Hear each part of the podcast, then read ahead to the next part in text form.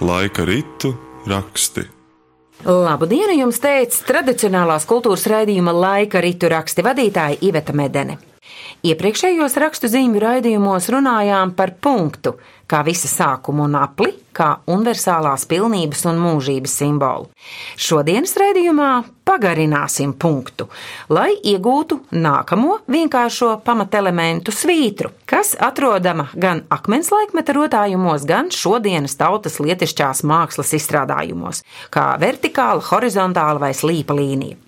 Tad šīs divas svītras sakrustosim, lai veidotu krustu. Rakstu zīmi, ko dēvē par vienkāršāko pasaules modeli vai vissenāko aizsardzības zīmi pasaulē. Šodien pie mums viesojas folkloriste Janīna Kursīte, mākslas zinātnieks Gunārs Zaķis, pirtnieks Rīksnieks Miks Kazlovskis un arheologs Guntis Zemītis. Labdien visiem! Labdien! Labdien.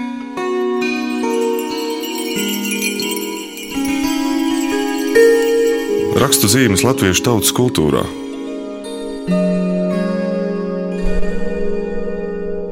Ko tautas tradīcijā simbolizē vertikāla un horizontāla līnija? Ko taisnais krusts, ko slīpais krusts? Krusts ir viena no visplašākajām tēmām, par kuru var iet krustām šķērsām un nepabeigt. Tā ir. Lāga neiesākot. Bet varbūt, ja par slīpo krustu kā vienu no senākajām formām, varētu teikt, ka arī mūsdienās, braucot ekspedīcijās, ar to es esmu sastapusies ne tikai samērā, bet pat ļoti bieži.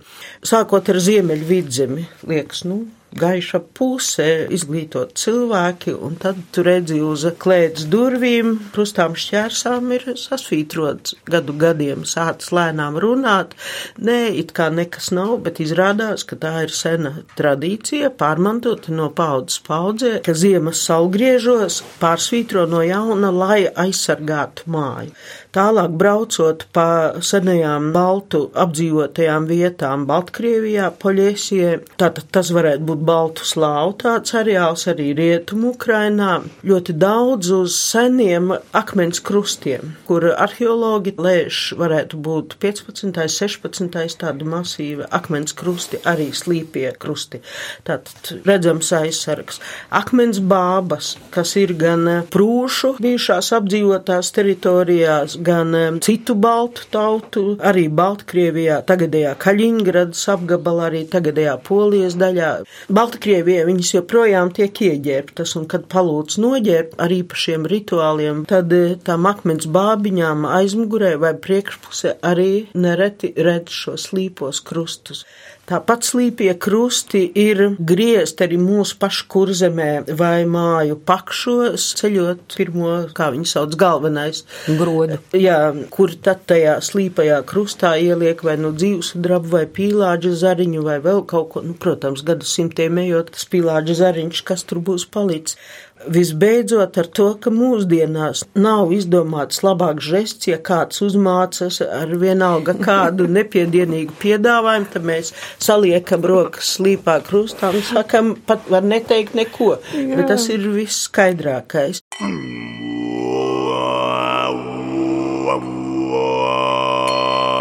Rakstu zīmju senais mantojums. Jā, un arī gribu pierēst par pašu vārdu krustcetimoloģiju. Man ir sajūta, ko es esmu pārbaudījusi, salīdzinot citu tautu etimoloģiskās arī vārnīcas, ka jā, tādā kristietiskā nozīmē vārds krusts ir otrreizēji aizgūts. Nu, kā arī vārdam baznīca ir senākā nozīme un ir jaunākā. Tādā nozīmē jaunākā kristietiskā aizgūts, bet par to arī Konstantīns Karolis rakstīs un arī virknē rietumu valodnieku, ka šeit pamatā būtu krustām šķērsām ideja, slīpā krusta ideja, ka tas ir pretējību apvienojums. Reizē četri debesu virzieni, kas jebkurai krusta formā, bet pretējību apvienojums un atkal ar centru iezīmējot vidu. Un latviski izzudis vārds, darbības vārds ir bijis krustīt, kraustīt, sakraut. Kā arī izteiciens krustām šķērsām. Un tāpēc, ja runā par krustcelēm, ļoti svarīgi tāpat arī aizsarga rituālos tautas dziesmās, cērt, cērt bāliņu, zobenu krustu, cērt vēl, cērt skauģi trīs gabalos. Šeit gan slīpā krusta zīmēm ļoti liela nozīme. Krustiem kalta tāmaiņa, mergām sists pagalmiņš, pārkrustiem saulelēca, pārmergā mēnesīts. Merga tas, kas spīd, kas mirts, kas vizuļo, un e, te krusts iezīmē to kustības aptverošo raksturu, kas ietver telpas vertikālo un horizontālo līmeni un nav obligāti tādā vertikālā. Rakstu zīmes pasaules tautu kultūrā. Jā, man arī ienāca prātā tās vizuālās līdzības, taisna un slīpa krusties skatās cilvēkā, kā tas izskatās. Tad eh, taisns krustes būtu cilvēks stāvs un izplēstas rokas, pieņemsim. Slīpais krustes būtu izplēstas kājas, izplēstas rokas. Ar ko viņas atšķirās? Pirmais variants ir statiskāks, pasīvāks, viņš stāv un viss. Otrajā gadījumā mēs akcentējam kājas un rokas, jā, kustīgās daļas. Un te man nāk paralēls ar kompozīcijām stila vēsturē arī, kad ir tie statiskie laiki, kad interesē cilvēks vairāk gala rezultāts, pabeigts darbības, tā kā renesansē. Tur ir krucifiksēts krusts, Kristus stāv, viņš tur jau kalnu galā.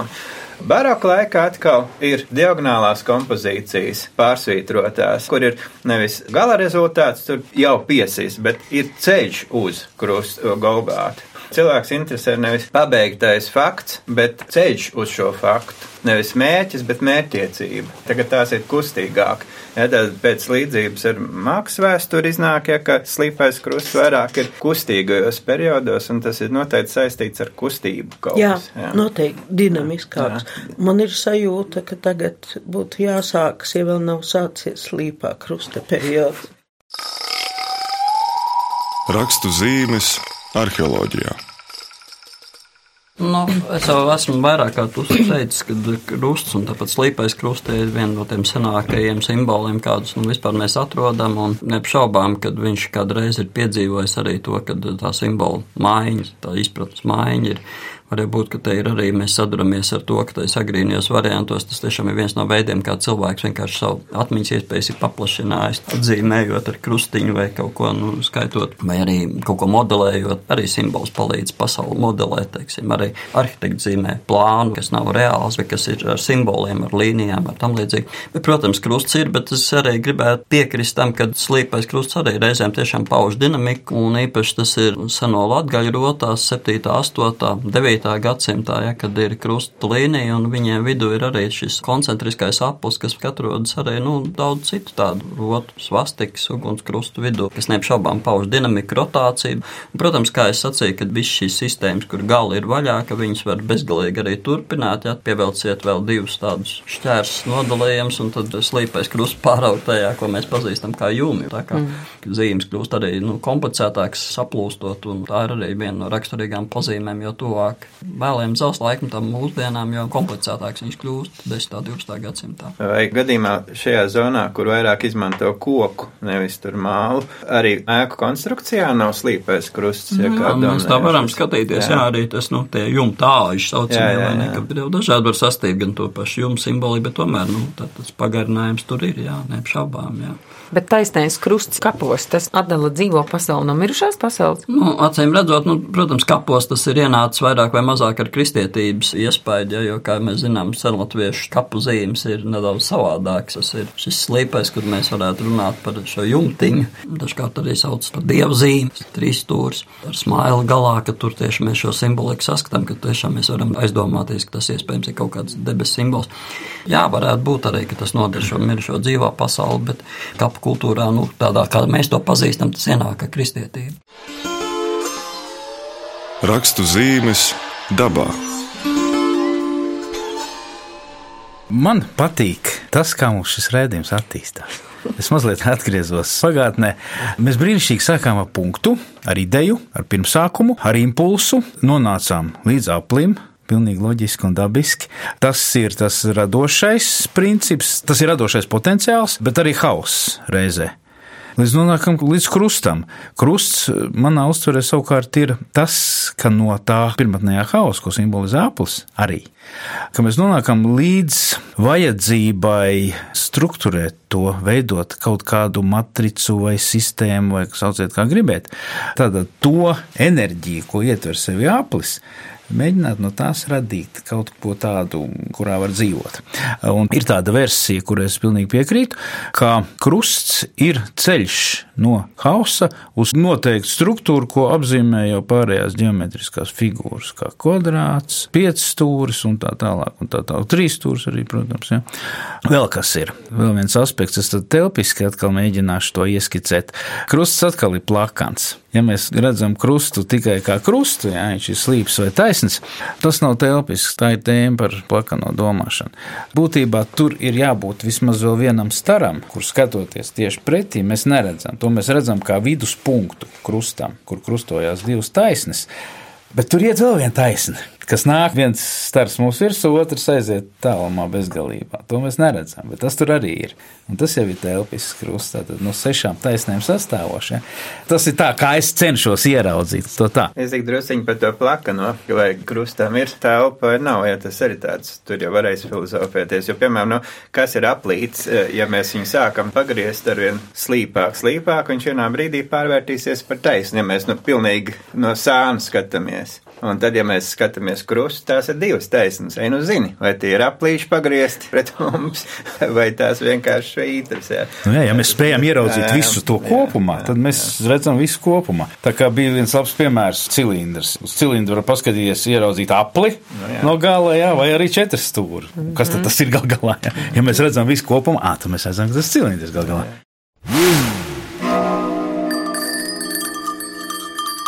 Rakstu zīmes mākslā.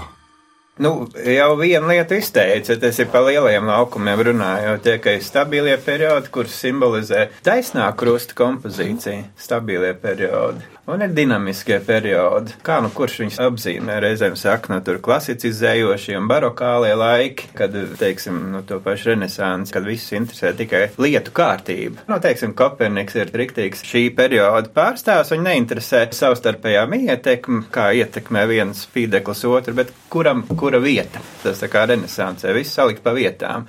Teiksim, Giordano Bruno nākošais periods, baroks, kur būtu slīpais krusts, viņa interesē nevis kā, kurš, kur atrodas, bet kā viens otru ietekmē. Tā kā tas slīpais. Bet vēl par vertikālo un horizontālo. Vai vertikālā neapzīmē vīrišķo un uh, horizontālā sievišķo? Var jau visādas fizioloģijas un frēdismus ieraudzīt, bet nu, kā mēs to varam apstiprināt? Jā? Man trūks kaut kāda reāla argumenta. Tā jau mēs varētu teikt, ja, ka, piemēram, nu, jebkurš cikliskais tas rituāls, ja, piemēram, nu, kā baznīcās tur staigā apkārt, ja, un taistos, ja, un vidū ir baznīcas tornis, vai tur, nezinu, aplīgojot, ja, stabu vidū, ja, mēs uh, veidojam sievišķo, ja, un, un stabs vidū ir vīrišķais, ja, un tad veidojam kaut kādu auglības bildi. Ļoti iespējams, ja kā tā ir, ja, bet vai man ir argumenti, lai es to apliecinātu tā reāli?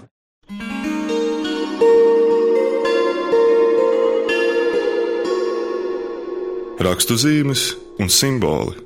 Labi, par to arheoloģiju mēs to domājam, nu, krustu katrā ziņā nu, tādu kā nodalītu, kā atsevišķu, nevis kā ornamentu sastāvdaļu vai simbolu. Piekriņu veidā, teiksim, nu, mēs līdz kristietībai neko tādu neatrodam, jā, tad, tad faktiski tie krustiņi, kas mums ir, tie, tie visi ienāk ar kristietības iespēju.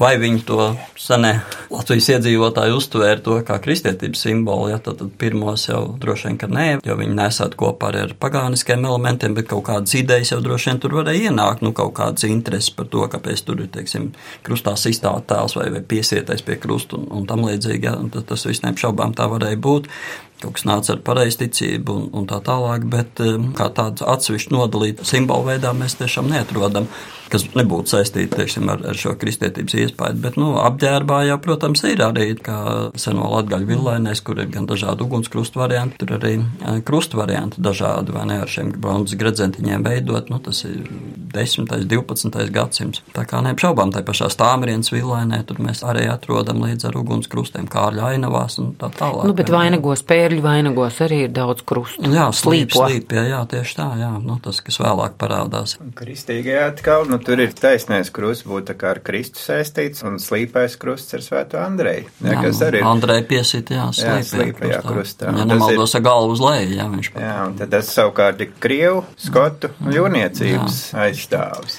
Bet, nu, krustu vispār sišana jau to jau romieši ir aizguvuši no feniķiešiem. Tad vēlāk atkal caur turieni, ja tas tur vienāds ir uh, kristietīgā simbolikā. Bet, nu, kā lai saka, kristietība jau tiešām uzslāņojās šiem pagāniskiem simboliem. To jau mēs arī ļoti labi saprotam un zinām daudzos veidos. Viss mums ir nozagts. Pārveidots. Jā. Bet mums jau vairāk ir tā, ka tomēr ir šo abu krustu apvienojums, ko sauc par saulīti, jā, astoņu staru kompozīciju, ko visi uzskata par saulīti, bet kas ir būtībā divu krustu apvienojums. Tā tad senais.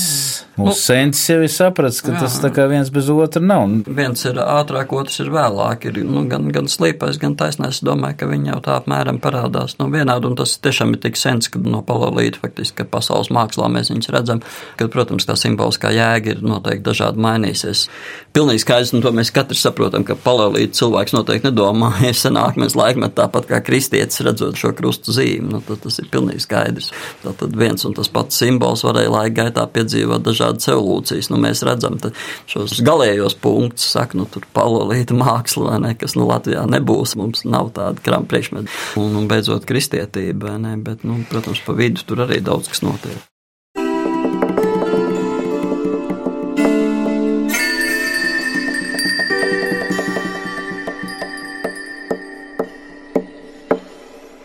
Man pat ienāca ideja prātā, kamēr mēs te runājam. Es tā mēģināju uzmodelēt, nu, piemēram, liekums jebkuram. Uzvelciet krustiņu, ielieciet, vai tur, kur nu, kaut kādos vēlēšanu biļetenos vai kaut kādos testos ielieciet krustiņu. Ko mēs liekam? Mēs rakstām slīpo krustu vienmēr zīmējam. Jo taisno ir grūtāk. Ir tā kā nu, ar piespiešanos jāvelk. Ir, ja tā, šitā. Slīpo ir daudz vieglāk un vienkāršāk. Atmaņas pastiprina no paplašināšanas instruments dažādi, vai ne? Nu, arī, arī noliegumi, kā šeit Janīna pareizi teica, nu, dažādi varbūt. Taisns ir tikai viens variants. Mm. Viss, jebkurš cits, jebkurā leņķī jau būs slīps. Tāpēc arī, kad zīmē, arī parasti vieglāk kaut kāds līgts vai tādas līnijas zīmēt, jo tās vienmēr būs pareizas. Taisna var būt tikai vienā variantā. Iespējams, ka mūsu zemapziņā ir iekodēts tas, ka mēs tomēr gribam dzīvību, kustību, nevis to statenisko un to nekustību. Bet tas arī vajadzīgs, bet tikai uz īsu brīdi. Tas bet pārsvarā mēs gribam dzīvību. Mākslas kompozīcija arī šis pats ir ļoti labi nolasāms, kā tā statiskā kompozīcija, viņa ir pareizi iemācīta. Viņa ir harmonizēta vēl līdz līdzsvarot vēl kaut kā, bet viņi var robežoties ar garlaicību. Tad, kad ir ļoti pareiza tā kompozīcija, viņi sāk izskatīties garlaicīgi. Tā kā pilnīgi izteikta doma, nu, teiksim, tā kā teātrī kādreiz mēs skatāmies, ir ievads, iztirzājums, nobeigums. Doma ir noslēgta, varbūt tik ļoti noslēgta, ka aizvaroties aizskar, mēs jau aizmirstam, par ko vispār bija runa, jo viss ir noslēgts. Un Brehts mēģināja to mazliet apcirst, viņš amputēja nobeigumu un mēģināja uztaisīt to nepabeigto. Tas ir dinamisko kompozīciju pozīcija, kad noved cilvēku līdz kulminācijai, un tad, kad liekas, nu, tulīdz kaut kam jānotiek, tad aizskars ciet un mājās visi iet. Un kas notiek ar mums, ja mēs ejam mājās un visu laiku domājam par to, kas tur bija? Tad tas turpina dzīvot mūsu domās. Rakstu zīmes, sadzīves priekšmetos. Krusti sadzīves priekšmetos ir, manuprāt, vislietotākā zīme. Gan bļodās, traukos, ragavās, ratos. Ja mēs modelējam to situāciju, kāpēc 19. gadsimta etnogrāfiskā materiālā krusts un dažādi slīpie krusti paliek visnoturīgākie, nu, manuprāt, ir tas, ka kaut kas šeit varētu krustoties kopā. Vienkārši nav pilnīgi skaidri noformulēta ideja, bet varētu būt doma par dažādām nu, sargājošām zīmēm. Ja kāds Berīka sāk vākt etnogrāfisko materiālu, kad mēģināja tur skaidrot, nu nav, nebija tur 19. gadsimta beigās tā, ka tā kā to dievu tur, tur uzkonstruēja, vai ne, kad tā ir dieva zīme, tas ir pērkoņkrusts, tas ir laimes krusts un tam līdzīgi. Tās atmiņas bija zudušas. Bet bija kaut kāds tāds kopīgs priekšstats par to, ka dažas šīs zīmes varētu būt labvēlīgas, sargājošas un tam līdzīgi. Kaut kur tas atmiņās tautas kaut kur grozījās. Kāpēc, teiksim, likt tur eh, slīpo krustu paksī un kāpēc likt tur eh, pīlāģu zariņu iekšā? Nu jā, un lai aizsargātu no lietu lietuvēni. Nu, es daru tāpat, kā darīs mans tēvs. Un es domāju, ka tieši tādas, nu, kas sargājošas tādi elementi ir tieši tajos brīžos, kad um, dažādi tādi, nu, mājiņticības ienāk un kāpēc arī, es domāju, mēs šeit lielā mērā runājam par tādām lietām, par mistiku un garu pasauli. Un tik ļoti populāri ir, teiksim, šīs zīmes. Paskaties, kādas grāmatas nevar nopirkt, katrs grib tulkot spēka zīmes un tam līdzīgi. Tas ir tādos brīžos, ka viena sistēma brūk un otra vēl nav iesakņojusies. Un tas arī, kad tas pagāniskais bija aizmirsts, kristietība vēl īsti nebija iesakņojusies. Nekur mēs neredzam tik daudz dažādas dīvainības, kā viduslaika kapsētās, piemēram, Dobels viduslaika kapsēta. Tur ļoti daudz abadījumu, kas ir dīvainās pozās likti uz mutes. Mēs redzam kaut kādu cilvēku arī ar sodu izpildītām, nocirstām galvām, un kas, protams, ir ārpus šīs kristietības pasaules. Cits ar piekariņiem, citi tur ar naudu dot līdzi. Viena sistēma ir sabrukusi, otra vēl nav iesakņojusies. Un arī 19. gadsimta beigās bija tā, ka latvieši jau pamatā tomēr pieņēma to protestantismu veidā, to kristietību, bet tomēr tas senais pagāniskais tur kaut kur vēl spokojās. Un tad, man liekas, arī šī brīdī arī tie daži tie simboli, kas saglabājušies, un kad tā viņa tā izpratne bija, jā, nu, ka tas ir kaut kas sens, kaut kas svarīgs, kaut kas sargājošs. Tā es to varētu skaidrot.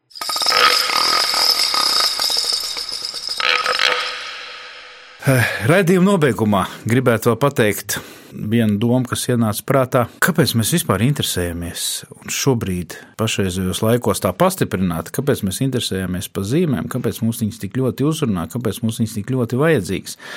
Staigājam apkārt, runādami, mums vajag spēka zīmes, spēka dziesmas, spēka dzīvnieki pat un vispārējais. Mēs runājam par to, kas mums pietrūkst.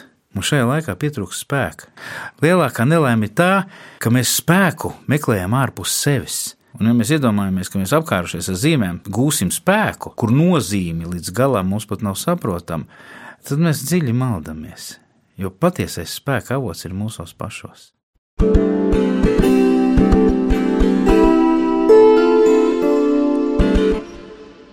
Latviešu tautas ticējumi rāda, ka krustazīmes spēks tautā izmantots neticami plaši. Bet ir pienākušas redzījuma beigas, tāpēc velkam krustu visam pāri un gaidām nākamo laika ritu rakstu raidījumu. Tradicionālās kultūras raidījumā laika ritu raksti piedalījās folkloriste Janīna Kursīte, arheologs Guntis Zemītis, rīksnieks Miks Kozlovskis un mākslas zinātnieks Gunters Zaķis. Skaņu režijā Rēnis Budze, raidījumu vadīja Iveta Medene uz sadzirdēšanos nākamajos laika ritu rakstos.